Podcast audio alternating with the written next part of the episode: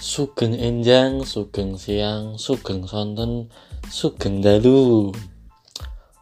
Oke, selamat datang di segmen POV atau Point of View. Nah, kali ini ada sambatan nih.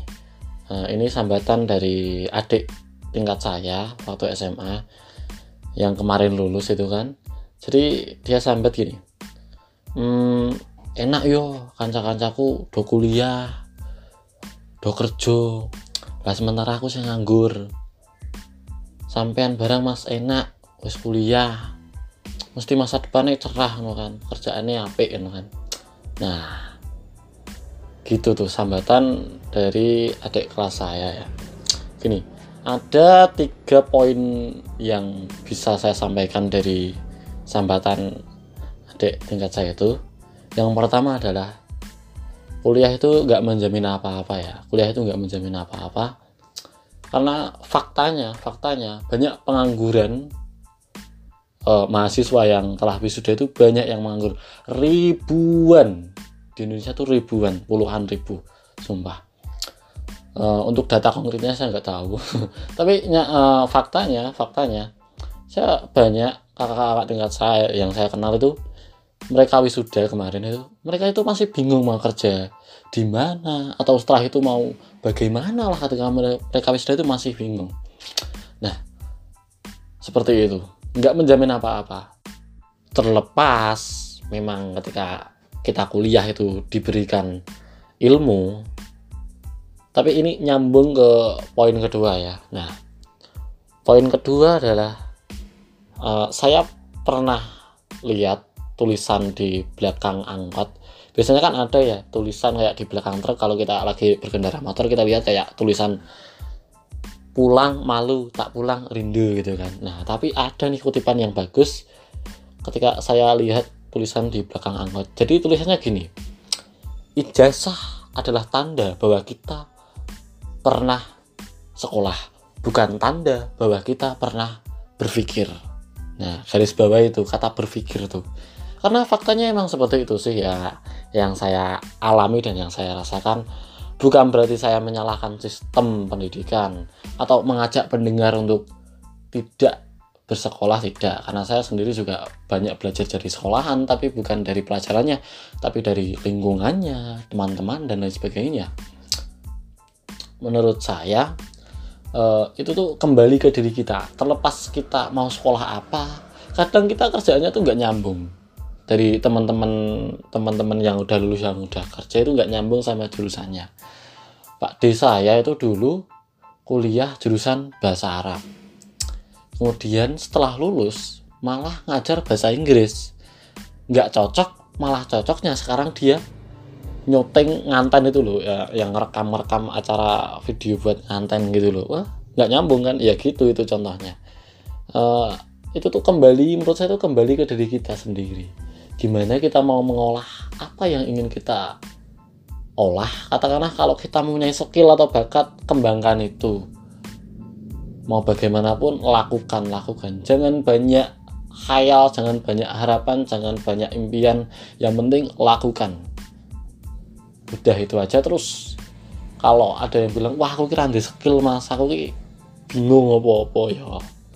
Iya ya ya kok lakoni baik toko jalani baik penting kita tuh nggak stuck berhenti nggak orang menang baik tetap kita tuh harus bergerak menjadi manusia gitu kan. Mas jadinya manusia kita tetap kita tetap harus bergerak. Ke, kenapa saya mengatakan yang penting lakukan yang penting jalani terlepas entah itu kita berbakat atau tidak. Karena memang faktanya saya nggak merasakan banyak itu dari sekolah itu katakanlah kita belajar matematika masa iya kita mau beli sayur sama tukang sayurnya? Mas saya mau beli sayur akar pangkat 4 nah, ya nggak gitu kan? Nah gitu maksud saya. Nah poin yang terpenting yang ketiga adalah uh, terlepas dari kita mau kerja atau kita mau kuliah atau kita mau nganggur saja uh, sambatan itu kan karena menurut saya menyalahkan waktu ya menyalah bukan berarti menyalahkan waktu tapi kayak kok aku bar lulus kok kanca-kancaku dong ini aku ngene gitu kan. Nah menurut saya tuh nggak ada waktu yang salah dan nggak ada waktu yang tepat. Kayak lagunya Versa Besar itu rasa yang tepat di waktu yang salah menurut saya tuh nggak ada waktu yang salah menurut saya. Karena gini orang yang bekerja ketika umur 15 tahun menurut saya nggak salah. Orang yang nganggur ketika umur 30 tahun itu nggak salah. Orang yang menikah ketika umur 20 tahun itu nggak salah. Orang yang menikah ketika umur 35 tahun itu nggak salah. Orang sukses itu umur 40 tahun nggak salah orang umur 18 tahun sudah sukses itu juga nggak salah. Jadi jangan menyalahkan situasi dan kondisi atau waktu lah.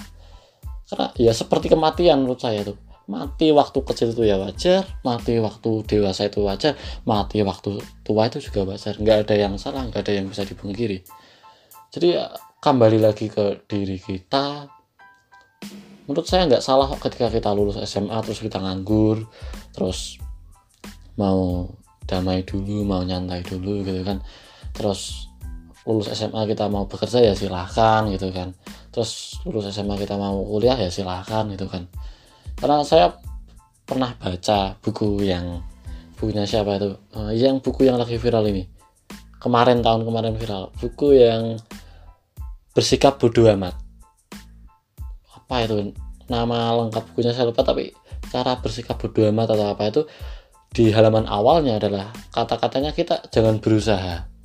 Kita jangan berusaha. Oke tadi saya bilang di poin kedua kita harus lakukan tapi yang saya maksud nyantai nggak menyalahkan waktu itu ya jangan berusaha terlalu bukan berarti nggak berusaha tapi gimana ya dari kisah yang di buku itu adalah hmm, jangan berusaha. Jadi ada seorang pemabuk dia penulis sandal. Pemabuk penulis sandal gitu kan tulisannya selalu ditolak ditolak ditolak gitu kan. Sehariannya itu hanya mabuk wanita mabuk wanita. Udah gitu aja pokoknya. Tapi dia tetap konsisten nulis. Yang saya maksud adalah tetap lakukan adalah dia dia konsisten nulis. Sampai ketika dia umur di lupa saya ketika umur 50 atau 40 ada satu percetakan yang melirik dia. Yang ngasih kesempatan dia. Akhirnya setelah itu dia sukses setelah itu dia sukses. Dia nggak berusaha bukan berarti nggak berusaha tapi dia tetap konsisten dengan apa yang ia suka apa yang dia lakukan dia tetap menulis. Dia tetap menulis. Makanya dia diberi kesempatan waktu untuk sukses itu umur 40 tahun atau 50 tahun saya lupa. Nah itu yang saya maksud waktu. Waktu itu nggak salah waktu itu juga nggak tepat nggak ada waktu yang tepat juga nggak ada waktu yang salah. Nah itu dulu. Itu adalah point of view menurut saya dari sambatan adik kelas saya tiga poin itu ya namanya sudut pandang ada salah ada benar ya silahkan kembali ke para pendengar mau mengambil ya silahkan kalau tidak ya silahkan. Gitu aja semoga bermanfaat. Kurang dan lebihnya saya mohon maaf gitu kan. Uh, ini ya bertele-tele nggak apa-apa ada kata yang diulang-ulang nggak apa-apa namanya juga baru belajar. Suwun wis rungokno nantikan podcast tempat sambat selanjutnya. Love you